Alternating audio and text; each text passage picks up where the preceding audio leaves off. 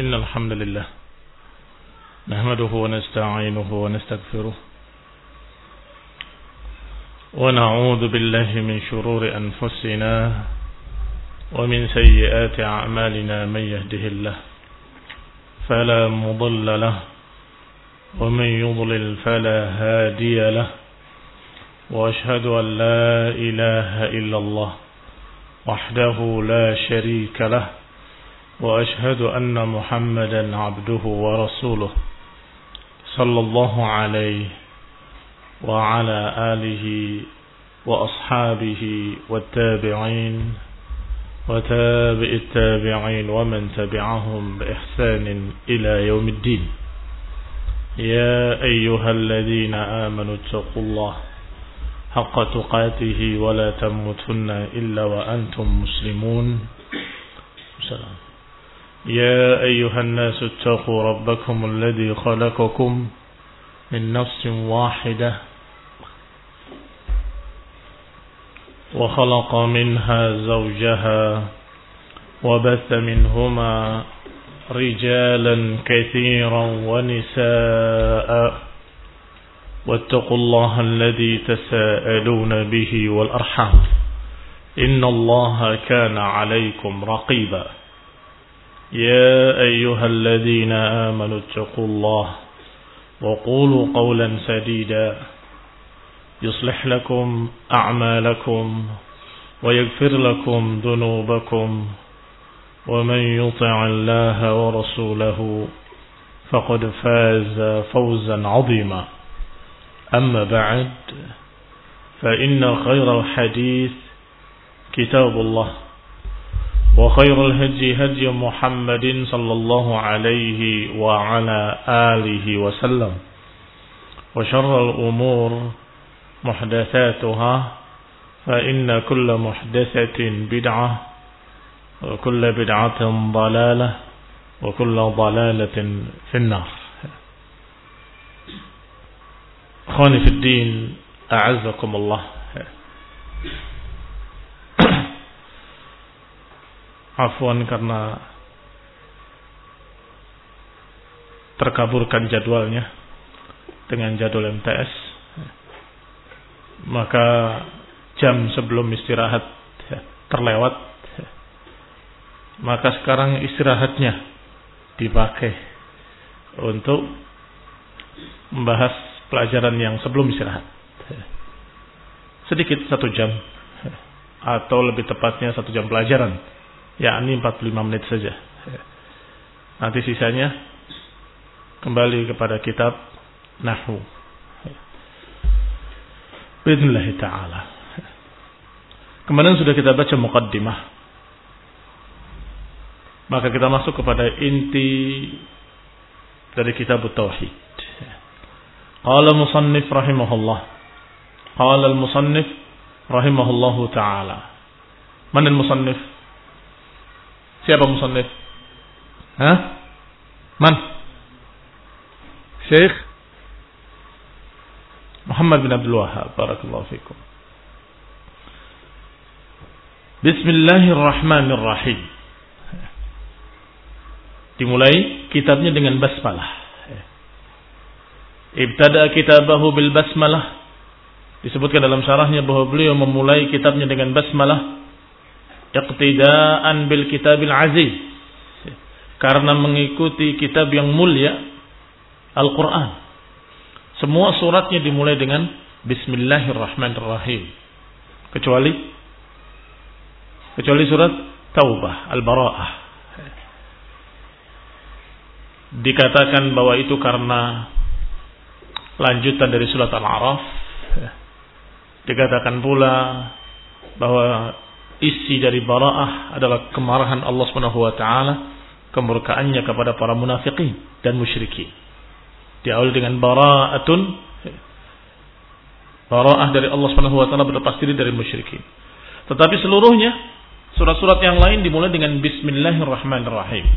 Maka kata, kata asy-syarih ibtada kitabahu bil basmalah iqtidaan bil kitabil aziz wa amalan bihadis dan juga karena mengamalkan hadis kullu amrin dibalin la yubda fihi bi bismillahirrahmanirrahim fahuwa aqta' setiap perkara yang dibalin yakni memiliki kemuliaan atau perkara yang memiliki makna yang penting kemudian tidak dimulai dengan bismillah fahuwa aqta. Dalam riwayat fahuwa abtar yang artinya mandul tidak mendatangkan faedah atau tidak mendatangkan pahala dan seterusnya. Hadis yang dikeluarkan oleh Abdul Qadir Ar-Rahawi dalam Arba'in sebagaimana dinukil pula dalam Ad-Durrul Mansur dari hadis Abu Hurairah radhiyallahu taala anhu berkata Ibnu Hajar fi sanadihi dha'fun kata Ibnu Hajar rahimahullah bahwa dalam sanad hadis ini fihi dha'fun, padanya ada kelemahan. Wasaqtun wasaqata ba'du ruwatihi dan juga ada yang gugur dari rawi-rawinya sehingga hadis ini tidak sahih. Cukup dengan dalil bahwa Al-Qur'an dimulai dengan basmalah. Dan juga cukup dengan dalil bahwasanya Rasulullah SAW menulis suratnya kepada Heraklius juga dengan bismillah. Itu juga riwayat yang sahih. Mungkin akan disebut di sini. Ada riwayat lain dari hadis ini yaitu dikeluarkan oleh Ibn Hibban dari dua jalan.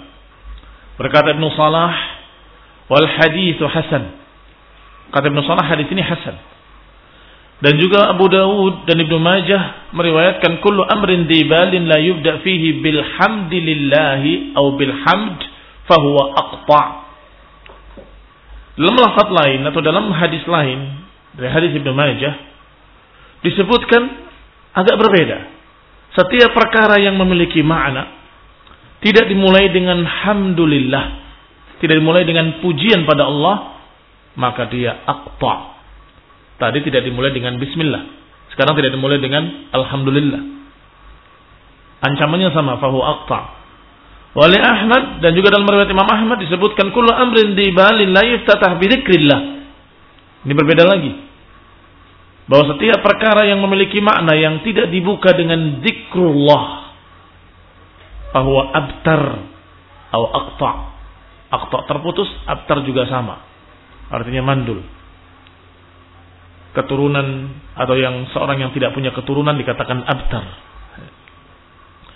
Walidaru Qutni dari Abu Hurairah marfu'an kullu amrin dibalin la yubda fihi bi dzikrillah aqta'. Disebutkan riwayat-riwayatnya dalam keadaan memiliki kelemahan-kelemahan. Walaupun beberapa ulama menganggapnya hasan, seperti Suyuti mengatakan sanaduhu hasan.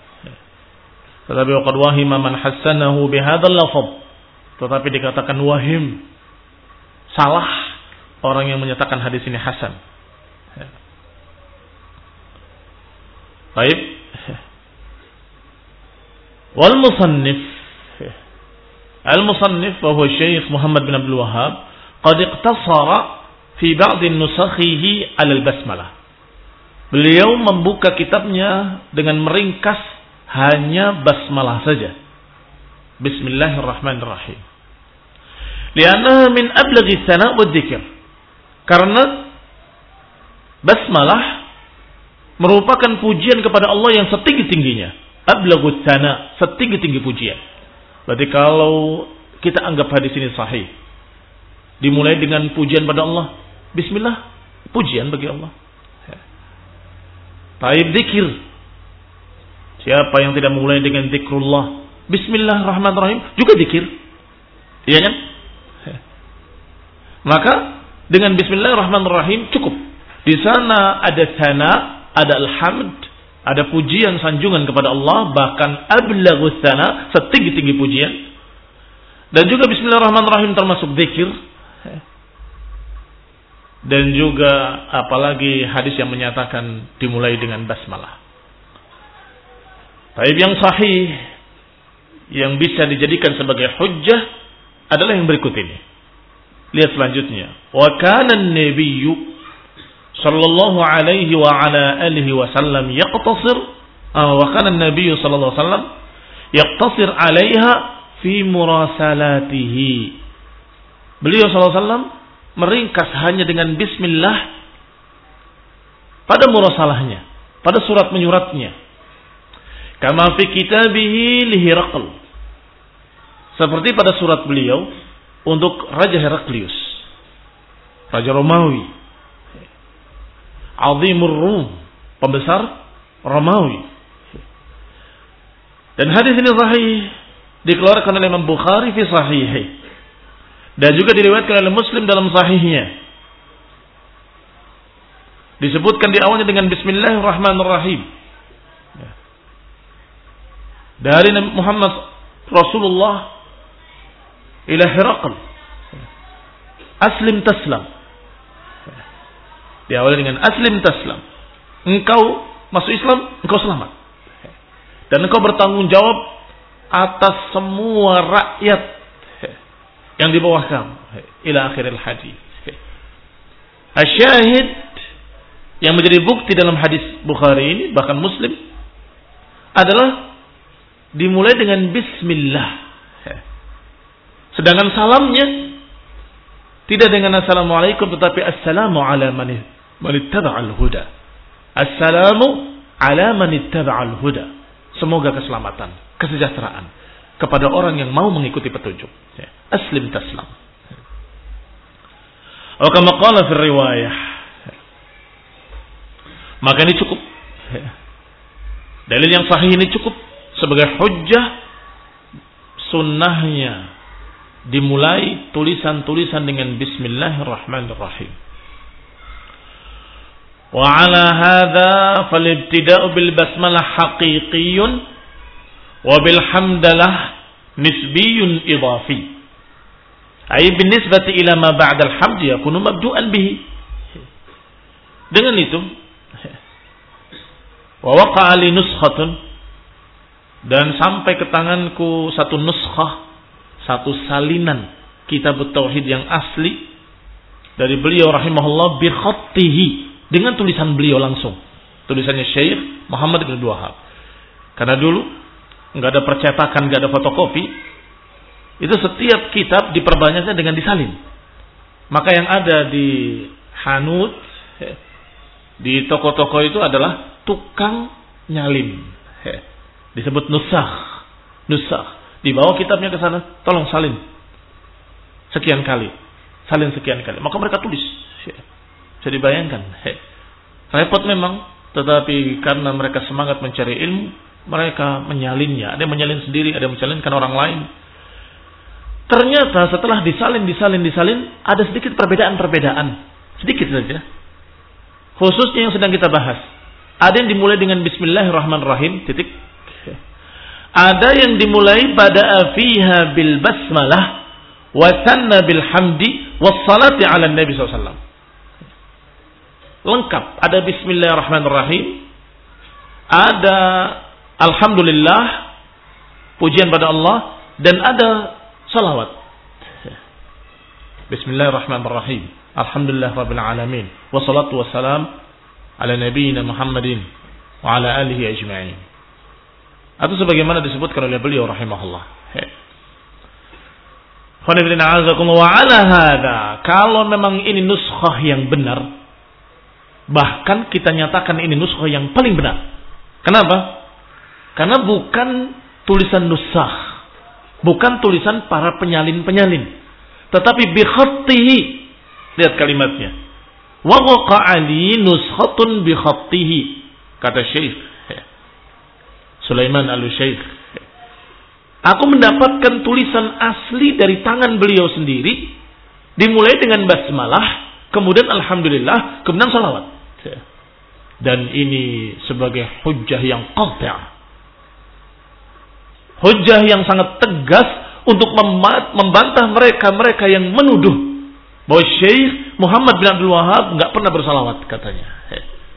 Mereka yang anti Wahabi katanya, mereka yang benci kepada tauhid, mereka menjuluki ajaran ini ajaran Wahabi. Wahabi itu tidak pernah bersolawat katanya. Kenapa? Dituduh seperti itu karena mereka mengira ucapan Syekh Muhammad bin Wahab dan yang bersamanya menyatakan bahwa salawat-salawat yang kalian ucapkan adalah salawat bid'ah seperti salawat nariyah atau salawat fatih atau salawat yang begitu. Dikira bahwa Syekh tidak pernah bersalawat dan anti salawat. Maka ini sebagai bantahan pada mereka yang sangat tegas. Diterima oleh Syekh Sulaiman al-Syekh. Dipersaksikan oleh Syekh Abdul Rahman al-Syekh. Bahwa ada nuskhah kitab Tauhid dengan tulisan tangan Syekh sendiri. Tulisan tangannya Syekh Muhammad bin Abdul Wahab.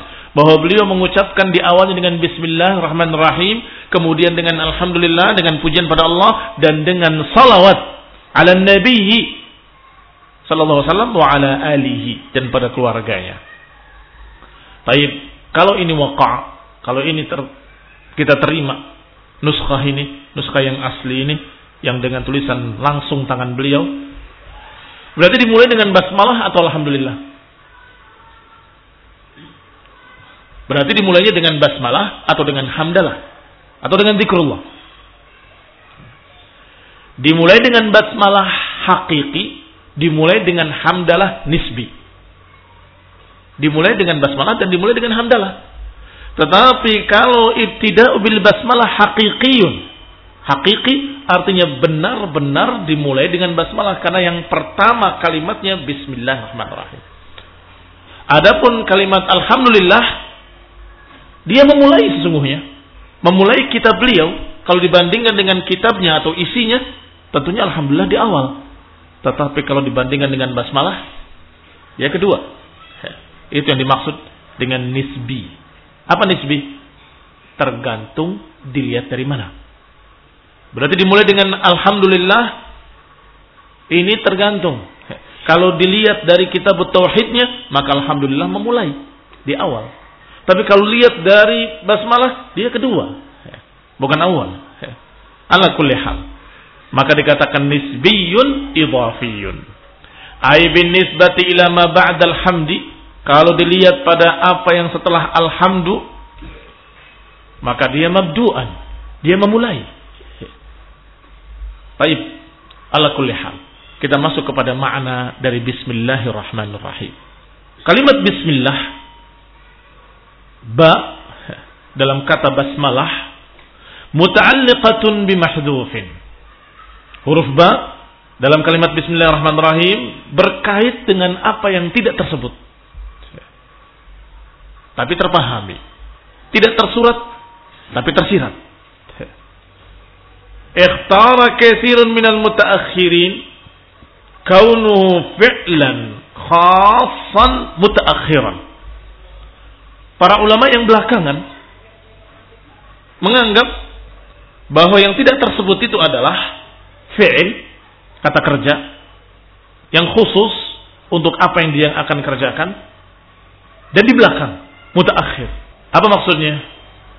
Maksudnya bahwa kalimat ba dari bismillah yang artinya dengan nama Allah. Kalian belajar dalam nahu bahwa jar wa majrur mesti ada ta'alluqnya. Jarun wa majrur muta'alliqun bikada. Jarun majrur muta'alliqun bikada. Iya kan? Yang dengan dengan nama Allah apanya? Ini jar wa majrur berkait dengan apa? Dengan nama Allah. Apa yang dengan nama Allah?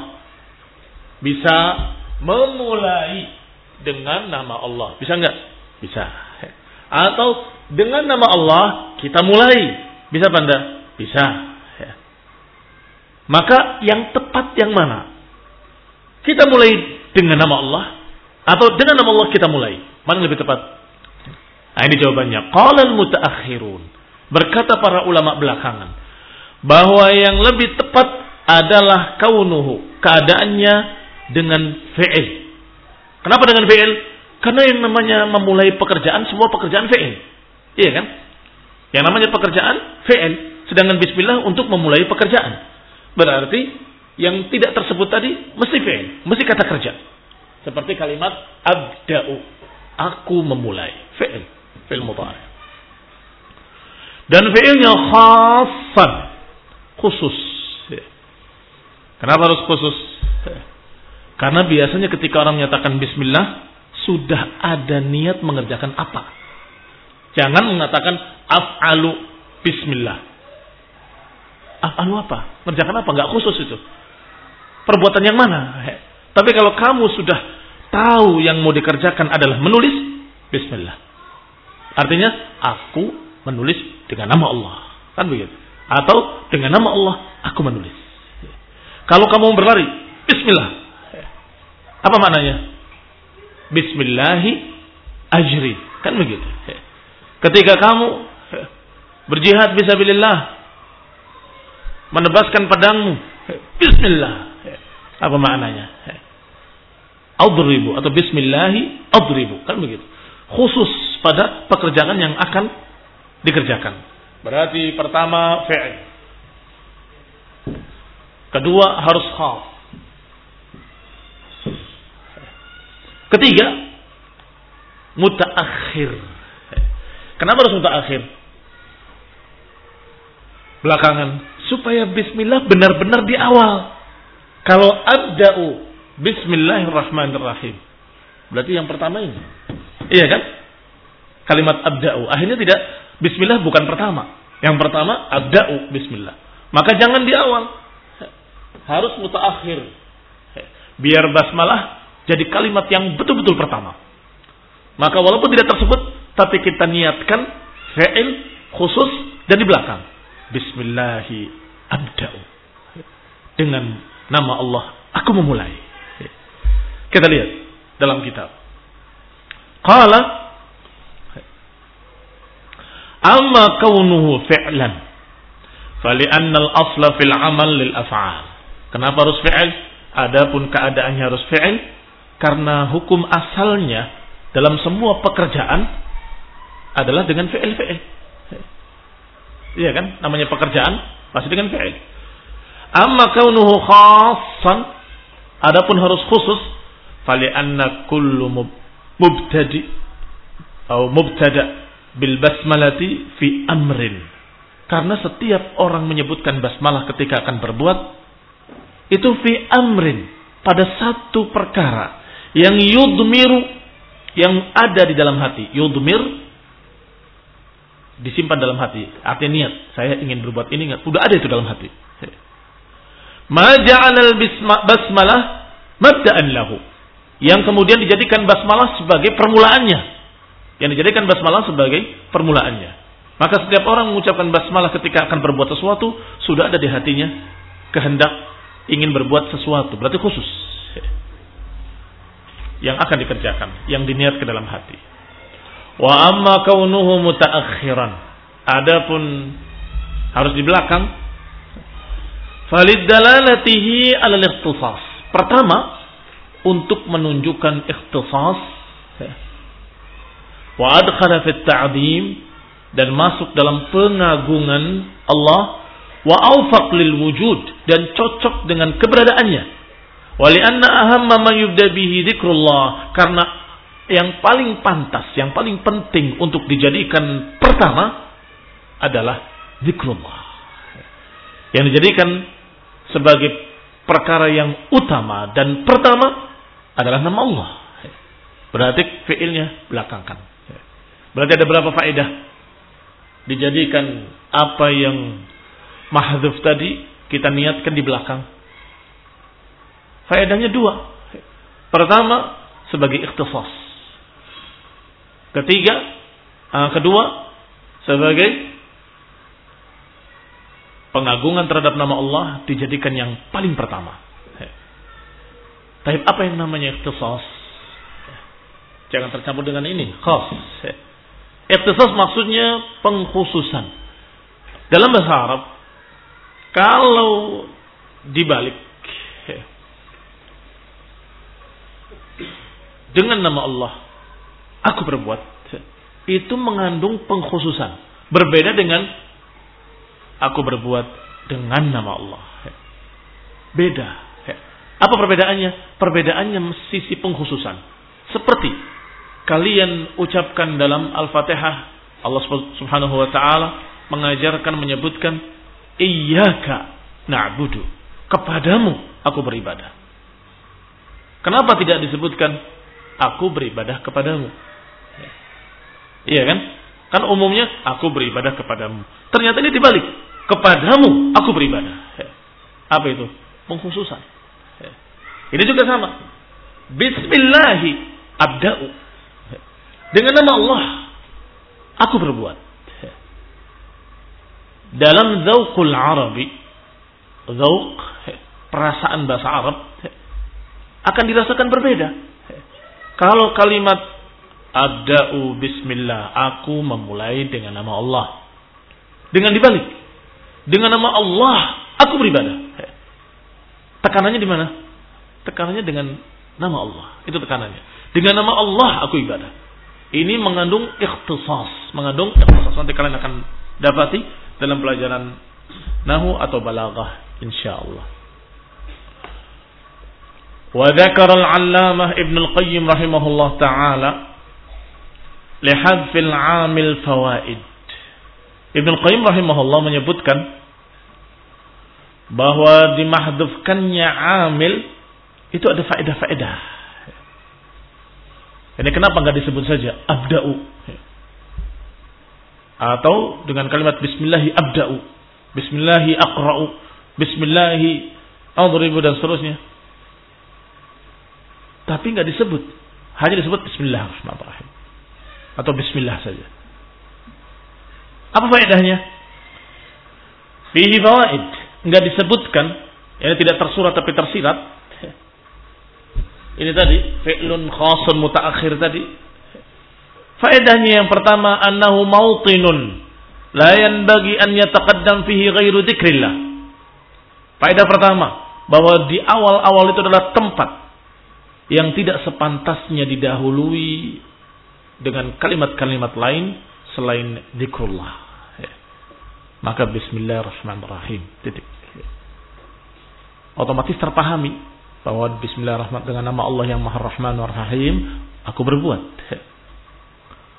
Tapi nggak disebut sebagai ya, pengkhususan bahwa itu tempat hanya untuk zikrullah. Yang kedua, Anal fi'la idza hudifa sahal tidak bil basmalah. Fi kulli amalin wa qawlin wa harakatin. Basmalah kalau nggak disebut fi'ilnya, maka kita bisa pakai untuk seluruh amalan. Mau membaca bismillah, mau menulis bismillah, mau belajar bismillah, mau bangun, mau duduk bismillah. Sah al-ibtida'u bil basmalah fi kulli amal.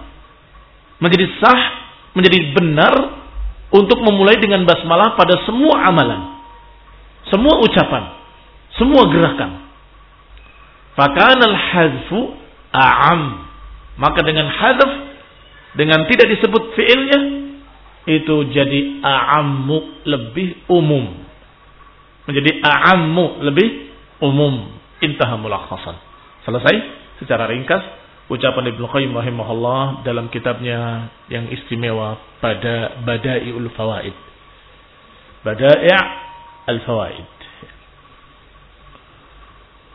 Waba'u bismillah lil musahabah. Sedangkan maknanya sekarang. Ba itu huruf ba lil untuk mengiringi musahabah. Wakila lil isti'anah. Dikatakan pula untuk meminta pertolongan. Berarti ada dua makna. Bisa bermakna mengiringi aku apa membaca dengan diiringi nama Allah. Atau aku membaca atau aku memulai dengan dibantu, ditolong oleh Allah. Fayakunu takdir, maka takdirnya Bismillahi uallifu hala kauni musta'inan bidzikrih mutabarrikan bih. Jadi seakan-akan kamu itu berkata ketika mengatakan bismillahirrahmanirrahim, seakan-akan kamu berkata dengan nama Allah aku menulis. Dalam keadaan aku meminta tolong kepadanya dengan menyebut namanya dengan mengharapkan barakah darinya. Subhanallah. Jangan anggap remeh bismillah. kalimat ringkas tetapi bermakna luas. Artinya kamu berkata dengan nama Allah aku menulis. Ini seakan-akan beliau Syekh Muhammad bin Wahab ketika menulis kitab Tauhid berkata aku menulis yaitu dengan nama Allah aku menulis kitab ini. Mengharapkan dengan nama Allah pertolongan. Mengharapkan dengan nama Allah barakah. Baik, wadihun insyaallah. Wa amma dhuhuruhu adapun munculnya fi'il dalam beberapa ayat Al-Quran pada Bismillah. Munculnya fi'il itu karena keadaannya memang khusus. Seperti kalimat Iqra bismi rabbikal ladzi khalaq. Iqra bismi rabbik. Bacalah dengan nama Rabbmu. Karena memang itu khusus pada perintah membaca dengan nama Allah. Atau seperti dalam ayat lain, Bismillahi wa mursaha. Bismillahi. Dengan nama Allah yang menjalankan atau perjalanan kapal ini. Kenapa kok muncul fiilnya? Fali'anna al-maqam yaqtadi dhalika kama la yakhfa. Karena siyakul kalamnya, karena konteks kalimatnya sedang membahas masalah khusus yaitu masalah kiraah dan masalah menjalankan perahu. Maka dua-duanya tersebut. Itu baru menerangkan ba. Baru menerangkan satu huruf ba. Sekarang huruf kalimat kedua. Ismullah. Nama Allah. Mushtaqun minas sumu. Diambil dari kata sumu dan juga dikatakan mustaqun minal wasm berarti asal katanya dikatakan dari kata wasm dikatakan pula dari kata sumu kalau sumu maknanya ulu tinggi langit dalam bahasa Arab disebut sama. Kenapa? Karena sumu karena sumu karena dia tinggi. Sami maknanya tinggi. Sama maknanya yang di atas. Dari kata sumu. Kalau isim dari kata sumu artinya dengan nama-nama sesuatu itu ditinggikan. Kenapa engkau dinamakan fulan, fulan? Niscaya kamu akan tahu secara keumuman bahwa orang tua ingin memuliakan kamu. Ketika menamakan dengan nama-nama tersebut, ingin meninggikan. Dan rata-rata demikian sejak dulu. Sehingga isim dikatakan isim, nama disebut dalam bahasa Arab dengan isim karena meninggikan orang yang dinamakannya. Sumu. Waqila, tetapi dikatakan juga dari kata wasm. Wasm itu artinya alamah, tanda. Lianna kullama summiya faqad nuwiha bismihi wa usima. Wasam artinya alamah, tanda-tanda. Menandai yang ini Abdullah, yang ini Ahmad, yang itu Salim, yang ini Fatimah, yang itu Khadijah. Baik, ilahuna. Jazakumullah khairan.